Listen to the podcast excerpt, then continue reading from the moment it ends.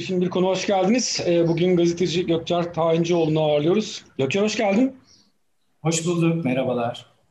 Ee, biraz e, yeni kitaptan konuşarak başlayalım filme geçmeden önce. E, Kayıp Adalet e, iletişim yayınlarından e, çıktı. Sen tabii yazmadın ama sen e, hazırlayıcısı, editörlüğünü yaptın. Çeşitli evet. yazılardan oluşuyor galiba. Biraz hani e, kitaptan e, bahset, çok daha taze çıktı. E, içerikten biraz konuşarak başlayalım istersen. Yani aslında ben hani kişisel olarak biraz böyle edebiyata bulaştıktan sonra e, gazeteci kitabı yazmaktan geri duruyordum. Zaten hani ne oluyorsa köşemizde yazıyoruz diye ama e, Hafıza Merkezi'nin e, bir projesi bu.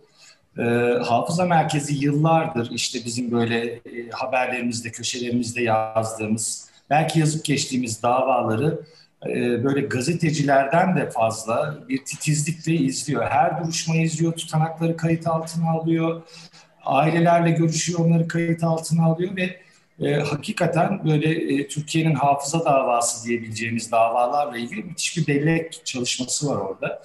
E, yani bunu ne yapabiliriz diye düşünürken e, bunu böyle bir e, herkesin okuyabileceği, e, baştan sonra ne olduğunu böyle bir çırpıda anlayabileceği e, hikayelere dönüştürelim. İki ayaklı olsun. Bir tanesinde e, dava dosyasını anlatalım. Bir tanesinde de adalet mücadelesini verenleri anlatalım diye düşündük ama e, bunu farklı yazarlar anlatsın. Farklı gözlerden, farklı kalemlerden okuyalım diye düşündük. Ben de orada derleyen pozisyonundayım.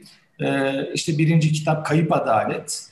E, o henüz çıktı. Orada dava dosyaları işte çok değerli yazar arkadaşlarımız tarafından 8 ayrı dava dosyası. İşte Hrant Dink de var, Berkin Elvan da var, Diyarbakır'da öldürülen çocuklar da var, Vartins katliamı da var.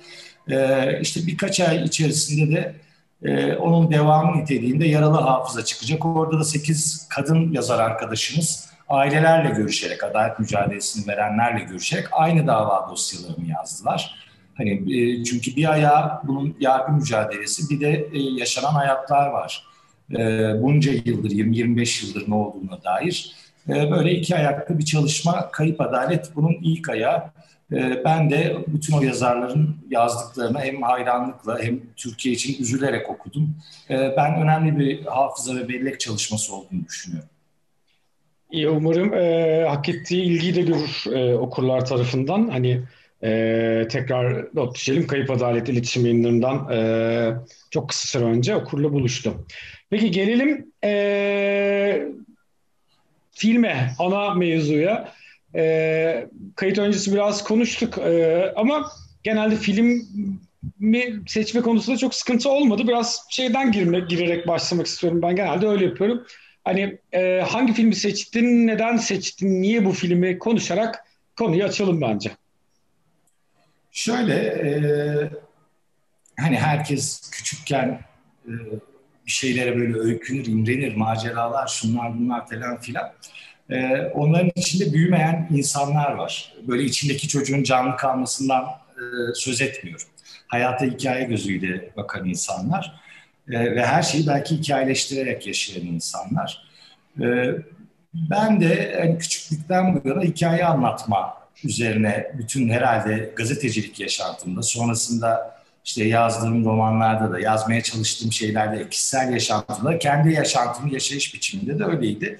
O anlamda hani sen e, çok teşekkür ederim davet ettiğinde e, hayatınızla ilgili önemli iz düşümü yaratan bir film ne olabilir diye sorduğumda bir fiş geldi benim aklıma Tim Burton'ın. E, çünkü hem defalarca izledim hem e, edebiyat uyarlamalarını seviyorum ben genel olarak. İşte Daniel Wallace'ın bir kitabından uyarlama film. E, kitabı da e, olanak e, bulanlara yeni basımı yok zannediyorum ama e, bulanlara okumalarını öneririm ki filmle çok farklılık gösteren bir kitap aslında. E, hem bir baba oğul çatışmasının edebi olarak e, beyaz perdeye yansıması hem de e, oradaki karakterlerin hikaye anlatıcılığı üzerinden kurularak e, böyle e, çok sıradan olayların bile çok mistik, çok e, fantastik biçimde sunulması. O anlamda belki benim e, küçüklükten bu yana hayal dünyamla örtüşen çok yanını bulduğum için beni çok etkileyen bir filmdi. Bir de herhalde özellikle Orta Doğu toplumlarında E, bütün dünyada öyle ama bu baba oğul e, çelişkisi bir meseledir. Onu da çok başarılı ele aldığını düşünüyorum filmin. E, onun için ben Big Fish'i seçtim. E, bilmiyorum iyi yaptım mı? İyi yaptın yaptın. Hani vesile, senin vesilenle ben de tekrar izlemiş oldum. Çünkü işte 2003'te sanırım Türkiye'de de aynı yıl vizyona girdi. Evet. Yani bir 18 yıl falan olmuştu benim de film izlediğimden tekrar e, filmi izleme yani izlememiştim. Ben de o vesileyle ben de tekrar izledim. Hani bir taraftan da evet yani özellikle mesela bizim sinema bu, bu mevzuya çok e, ele hani daha doğrusu bu kadar yoğun bir biçimde ele almıyor. Ama mesela Batı sineması, özellikle Amerikan sineması bu baba oğul meselesini çok ekstra bir anlam ifade ediyor. Babanın gölgesinde olmak, babayı aşmak, babayla hesaplaşmak şeyi. Bu çok başka bir şey. Yani bir taraftan baba oğul hikayesi gibi kuruyor ama bir taraftan da aslında e, sadece baba şey üzerinden yani Ed üzerinden bakıldığında hayatını nasıl anlamlandırdığına dair de bir şey ya. Yani bir şey evet. yaşıyorsun. Evet. Ama yaşadığın şeye nasıl bir anlam yüklüyorsun? Ve o sende onun, onun bıraktığı şey ne mesela? Hani o e, birisini mutlu etmek için kurmuyor ya o hikayeleri. Aslında bizzat inandığı öyle öyle olduğunu düşünüyor. Dünya dünyaya öyle bakıyor baba. Yani e, hani hiç izlemeyenlere tabii çok kolayca izlenebiliyor. Biraz eski bir film olduğu için her yerden bul, bulmak mümkün. E, ya babanın bakışı öyle. Yoksa dümdüz baktığınızda aslında e, işte küçük bir kasabada doğmuş. O kasabayı aşmaya çalışmış. Güzel bir kadınla evlenmiş aşık olup satış temsilciliği için kendini yollara vurmuş, dolaşmış, gelmiş. Evinde ölen bir adamdan söz ediyoruz aslında. Yani bu yönüyle bakarsak ne kadar sıkıcı, ne kadar monoton. Hani dünyaları kucaklamış falan işte arada askere gitmiş, savaş dönemine denk gelmiş, savaşmış. Ama dünyaya bambaşka bakıyor. O anlamda mesela hani e, belki böyle küçücük e, sonuna dair spoiler da vermeden ama e, bu arada yani orada vere, verebiliriz. Evet, çok yani. yani e, orada bir doktor Bennett karakteri var. Benim için belki filmin özetidir. Yani oğlu babasıyla sürekli e, başka türlü bir yakınlık kurmaya çalışıyor. Ben seninle ilgili gerçeği bilmiyorum diyor. E, orada doktor gelip diyor ki e, ya nasıl doğduğuna dair gerçeği bilmek ister misin? Diyor. İşte babam e, işi vardı gelemedi hastaneye. Seni üç sularında buraya getirdiler. İşte beklenenden bir hafta önce doğdun. Ee, işte annen sağlıklı bir doğum yaptı. Ama babası o hikayeyi şöyle anlatıyor. Ben gelemedim çünkü e, kasabadaki nehirdeki en büyük ve yakalanamayan e, içine bir hırsızın ruhunun girdiği balığı yakalamaya çalışıyordum ve o balık benim alyansımı yutmuştu. O balığı yakaladım ve en sonunda alyansı onun içinden aldım. Ondan sonra da serbest bıraktım. Bu kadar zeki bir balık e, öldürülemezdi, yakalanamazdı diye. E, oğlu bu hikaye tabii ben gerçeği tercih ederim diye karşı çıkıyor. Doktora böyle söylüyor. Doktor ise diğerini tercih ediyor. Adamın hakikaten yaşadığı en sıradan olaya bile bakışı bu ki bunu filmin sonundaki cenazede görüyoruz. Bütün o doğumundan ölümüne kadar tanıştığı işte ben şimdi seninle konuşuyorum. Seni e, işte gazete duvarda çalışan bir meslektaş olarak da yorumlayabilirim. Çok fantastik mistik bir karakter olarak da yorumlayabilirim. O bunu tercih ediyor. Hikayeleştirmeyi, bakmayı. E, galiba ben de dünyanın öyle olmasını arzuladığım için seviyorum filmi. Evet bir taraftan filmin bir yerinde şöyle bir laf geçiyordu. Not da almıştım hatta evet. İnsan ne kadar çok hikaye anlatırsa kendisi de hikaye olur diye. Evet, ee, o hikayelerle de ölümsüzlüğe kavuşur diye. Ee, evet. Ben de aynı şeye dikkat ettim. Çünkü aslında mesela biz bu anlatıyı mesela hani e, çok daha sıkıcı bir e, Amerikan bağımsızı olarak da izleyebilirdik. Bu evet. biraz romanın da şeyi. Çünkü aslında bakılırsa tam savaş sonrası e, o işte e, yeni Amerika'nın inşa edildiği o işte Amerikan rüyasının satıldığı o banliyö hayatının, kasaba hayatının işte komünizm paranoyasının e, kurulduğu o işte çok karşımıza çıkan e, özellikle 50'ler 60'lar paranoyalarının olduğu bir yerde büyüyen bir adam aslında ailesi şeyini kuran ve bütün belki de o travmatik anı ancak böyle aşabiliyor. On, evet. Oradaki ben öyle yorumladım mesela. Çünkü orası ülke açısından o kadar kar, şey sıkıcı bir dönem ki aslında. Ee, Tabii soğuk savaş yılları işte savaş sonrası dediğin gibi ama bir yönü yani bir, bir yönü senin dediğin gibi bana kalırsa bir yönü de e, bu bütün dünyada bizde de çok görülen kasaba sıkıntısı. Yani hem e, ahlaken kasaba sıkıntısı, kasaba ahlakı dediğimiz o e, bence yalancı ahlakın bir türü. E, bir yandan o kasabaya, e, kasabayı içinde taşıyan insanların nereye giderse gitsin aynı değerlerle yaşaması. E, bir onu aşma çabası var. E, hani baba oğul çatışması dedik ama bir tarafta da o e, bunu mesela romanda da farklı bir boyutuyla görüyorsun. Bir de sevdiğim yönü o aslında. Yani romanla kitap hani romandan yapım haklara alınarak uyarlanmış bir film ama bambaşka yani romanla e, birçok yönü bambaşka. Hikayeler bambaşka. Yani orada Tim Burton'ın muazzam hayal gücü ve e, zekasını da görüyoruz. Yani romanı nasıl okuduğunu, yorumladığını da görüyoruz. Onda nasıl bir iz bıraktığını da görüyoruz. Dümdüz bir uyarlamadan söz etmiyoruz. Orada e, işte mesela kasabadan çıktığında anımsayacaksın filmde. İşte Spectre diye e, aslında asla çıkılmayacak son derece güzel insanların dans ettiği yeşillikler için yaşadığı bir kasabaya yolu düşüyor ilk olarak. Ve hani o kasabadakiler hayata dair aradığın ne varsa burada var. Niye çıkıyorsun ki diyorlar. Oysa ki o hep bir büyük balık olmak peşinde kendi deyimiyle ve gideceği çok yol olduğunu düşünüyor. Hani o anlamda hem senin dediğin o savaş sonrası o buhranlı yıllardan hayal gücüyle sıyrılma, bir taraftan da o e, içimizde taşıdığımız e, belki bizi olduğumuz yere yapıştıran moral mende, e, umut açısından da belki o toplumsal ahlak açısından da o değerleri de aşma. Başka bir hikaye anlatmanın yolunu hikayelere sığınmakta buluyor gibi geliyor bana. Evet, bir taraftan da bir devamlılık şey var ya mesela hani oğlu aslında hep e, bir, bir noktada ilk başlarda işte hani gerçeği yani bir kez olsun gerçeği anlatmasını istiyor falan ama hani e, et hep e, yine bildiği gibi anlatıyor hikayeleri ama finale doğru e, Willy de mesela kurmacanın parçası haline geliyor. Ama burada bir şey de var mesela Willy de baba olmak üzere. Yani evet. O hani o belki işte onu oraya yaklaştıran şey biraz da hani e, babasına yaklaştıran şey de biraz o galiba. Ben biraz öyle yorumladım. Ne dersin? Öyle şeyler. Mesela romanda şey e, daha sert.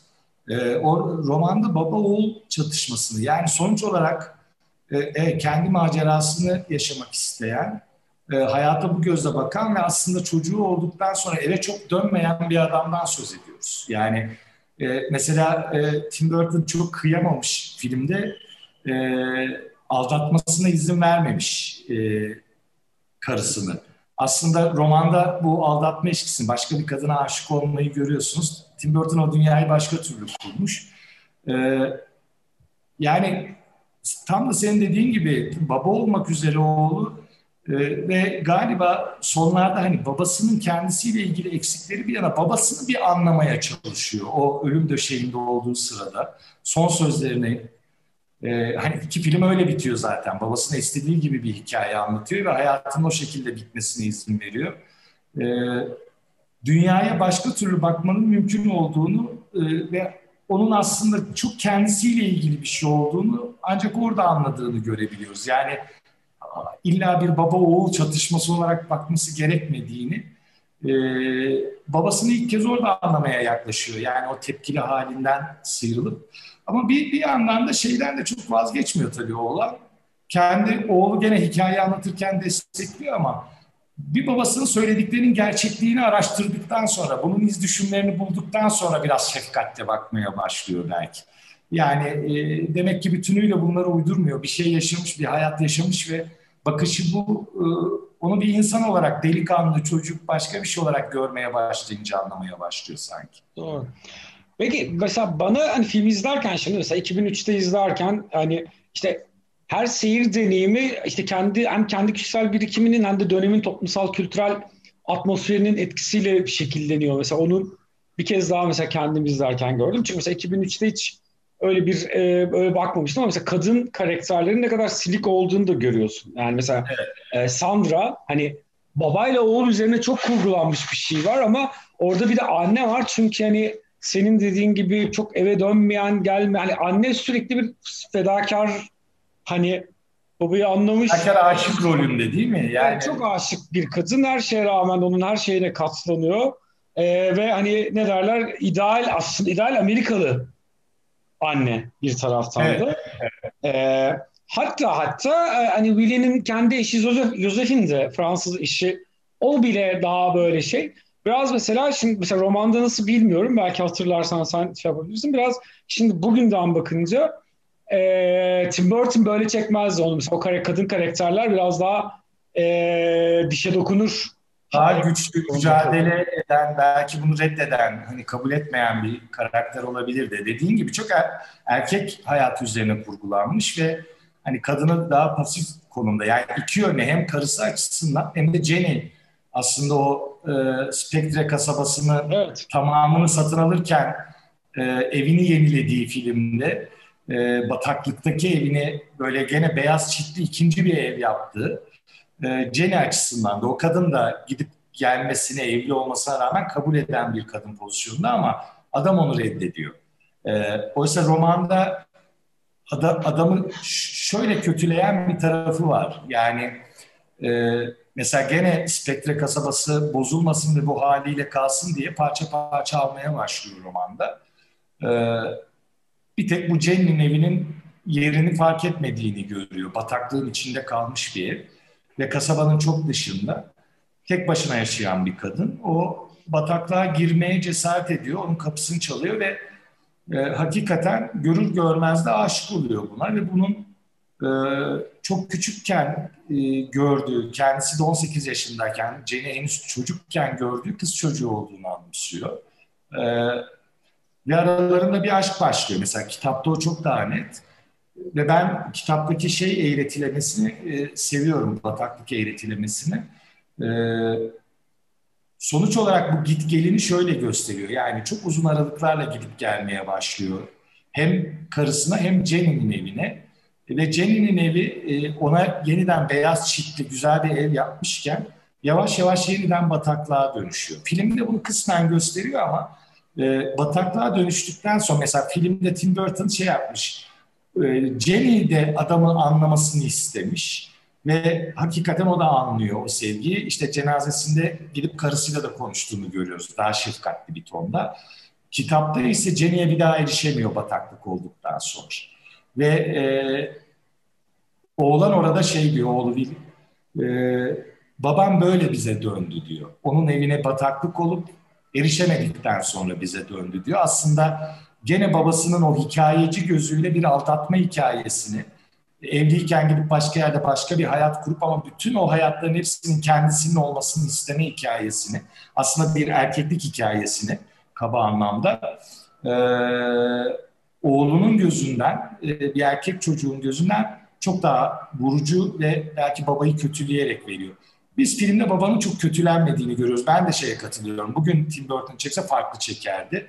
Ee, orada belki babanın e, filmde zaaf gibi gösterilen, hani hikayeci yanından kaynaklanıyormuş gibi gösterilen şeylerinin aslında baya baya insanlara kötülük anlamına da e, gelebileceğini daha çıplak gösterirdi. Daha mücadeleci buna karşı koyan kadınları görebilirdik diye ben de katılıyorum ona. Evet evet yani en azından hani ana karakterine bu kadar merhametli davranacağını düşünmüyorum yani şimdi tekrar ele alsa çünkü hani burada bakınca biraz merhametli davranıyor aslında karakter. Çok, çok seviyor karakteri çok da şefkatle yaklaşıyor. Evet yani e, sadece kendisi değil e, filmin içindeki karakterlerin de aynı merhametle yaklaşmalarını özellikle istiyor. Özellikle karakterleri de oraya doğru e, itiyor. John August yazmış senaryo Wallace'ın romanını. Evet.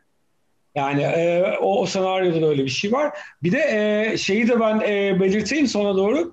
E, buraya gelmeden önce biraz bakınırken Spielberg çekecekmiş aslında. Yani teşekkürler e, evrene ki Spielberg çekmemiş çünkü bu, bunu çok kanırtırdı ve hani tekrar izlemeye bile şey tenezzül edemeyeceğimiz bir şey olabilir. Bambaşka bir film çıkardı. Herhalde bilgisayar o... efekti dolu ve ve çok Amerikan. Dümdüz bir hikaye izlerdik galiba yani. Amerikanlık akardı diye. Spielberg şey, evet. anlaşılmıştır görüntü gibi. akardı diye hissediyorum. Yani Tim Burton'a gelmiş olması için çünkü e, yani Tim Burton seviyorsan şeyi de bilirsin mesela en az gotik olan en parlak işlerinden biri bir taraftan. En az karanlık. Tabii bu yani çok çok renkli o gotiklikten uzak.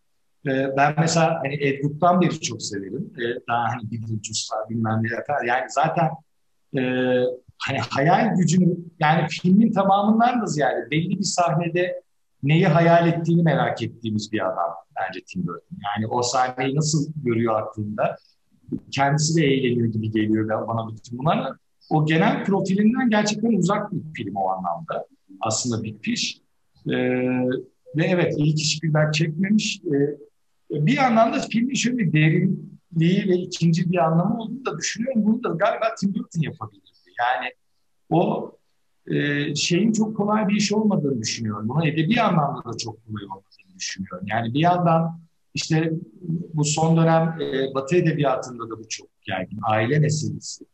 E, işte sen hani eşlerin durumunu, kadınların durumunu da söyledin sevgilisine. E, işte hani baba oğul çelişkisi merkeze oturtulmuş ama hani o aile meselesinin üstüne hayatı bir de hikaye olarak görme, meselesi. O hikayeleri nasıl kurduğun meselesi. Yani işte bu ayna evresi gibi mesela bir tane cadının gözünden öleceğini nasıl nasıl öleceğini görme hadisesi var mesela. Filmde var, kitapta biraz daha farklıydı o anımsadığım kadarıyla. Evet, ee, mesela atladık. Mesela öleceğini bilmenin verdiği rahatlık da var Ed'in üzerinde mesela. Bütün maceraları atırken böyle ölmeyeceğim ki zaten.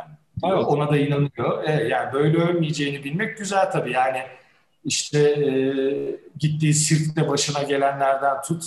Hani e, orada Deli DeVito şey oluyor, kurt adam oluyor, o saldırıyor falan. hani ona bile ben böyle ölmeyeceğim rahatlığı var. Ee, yani bir yandan onun hikayeci gözü, bir yandan e,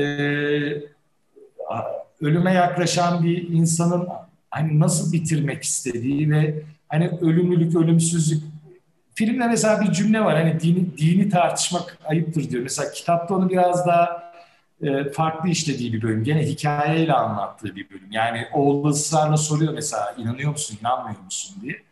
E, çok hoş bir hikaye anlatıyor orada. Çok uzatmayayım ama. E, hani zaten her şey hikaye. Film part part hikayelerden oluşuyor. Bunu o aile çelişkisiyle birlikte vermenin, merkeze de baba oğul çelişkisini koymanın çok kolay olmadığını hani Tim Burton'ın o anlamda başarılı bir iş kotardığını düşünüyorum. Kişisel olarak da belki beni e, hayata benzer bir biçimde bakma arzumdan ve belki hepimiz gibi işte oğullarımızla, babalarımızla, çevremizde olanlarla yaşadığımız çelişkilerden dolayı etkiliyor. Peki çok güzel bir final oldu. Çünkü bir baktım 23 dakikayı doldurmuşuz. Ee, eğer eklemek istediğim bir şey yoksa e, burada toparlayabiliriz. Ee, hani ben e, kendi adıma hani çok lezzetli sohbet oldu. İyi ki kabul ettin, iyi ki geldin. Çok sağ ol. Benim için de öyle. Çok teşekkür ederim. Hep filmi de izlemeye yeniden vesile oldu. Onun için de ayrıca teşekkür ederim. İnsan başka bir gözle izliyor gerçekten.